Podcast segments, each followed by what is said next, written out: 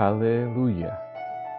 Pendengar yang terkasih dalam Tuhan Yesus di mana pun Anda berada, damai dan sukacita menyertai kita semua. Renungan sauh bagi jiwa yang disajikan gereja Yesus sejati berjudul Seandainya Tidak. Dalam nama Tuhan Yesus membacakan renungan firman Tuhan. Tetapi seandainya tidak, hendaklah Tuanku mengetahui, ya Raja, bahwa kami tidak akan memuja dewa Tuanku dan tidak akan menyembah patung emas yang Tuanku dirikan itu. Daniel 3 ayat 18 Karena tidak mau memuja dan menyembah berhala yang ditetapkan oleh Raja, ketiga sahabat Daniel diancam akan dilemparkan ke dalam perapian tetapi bukan saja tidak takut pada ancaman hukuman mati, mereka bahkan dengan lantang menjawab, "Jika Allah kami yang kami puja sanggup melepaskan kami, maka Ia akan melepaskan kami dari perapian yang menyala-nyala itu. Tetapi seandainya tidak, hendaklah Tuanku mengetahui, ya Raja, bahwa kami tidak akan memuja dewa Tuanku."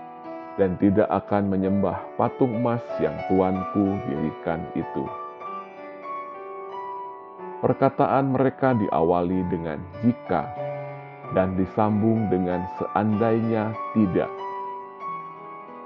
Ini menggambarkan teguhnya iman mereka dan menjadi moto bagi umat Kristen hari ini sewaktu mengalami sengsara pencobaan. Heran Sewaktu mereka berada di dalam perapian, mereka sama sekali tidak terluka, bahkan berjalan-jalan dengan bebas di tengah-tengah api itu. Mereka juga ditemani oleh orang keempat yang rupanya seperti anak dewa di mata raja.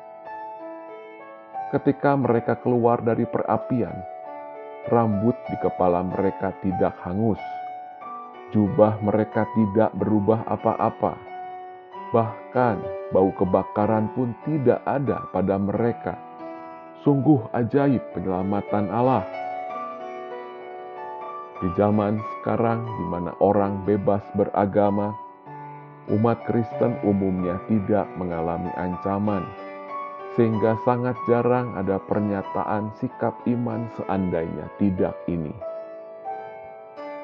Namun di gereja kita hari ini, kita masih dapat menyaksikan beberapa jemaat yang terancam kesehatannya, dan mereka menyatakan iman seandainya tidak ini dengan bersandar sepenuhnya kepada Allah.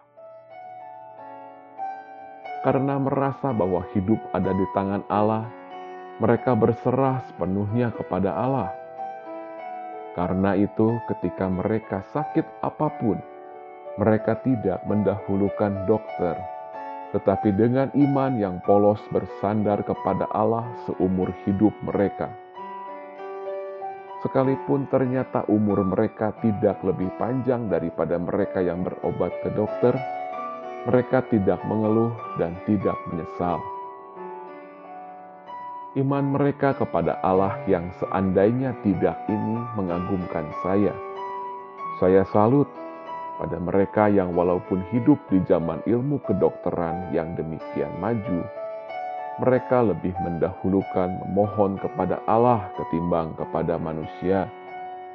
Mereka hanya mengandalkan iman berserah kepada Allah. Ah, seandainya ketika saya berada di tengah badai, ketika malapetaka menghadang hidup saya, saya dapat tetap percaya kepada Allah yang dahulu menolong ketiga sahabat Daniel berjalan-jalan di tengah api.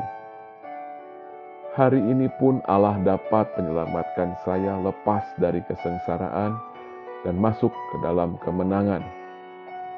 Tetapi seandainya tidak, kiranya kehendak Allah saja yang terjadi seperti dahulu Tuhan berdoa di Taman Getsemani.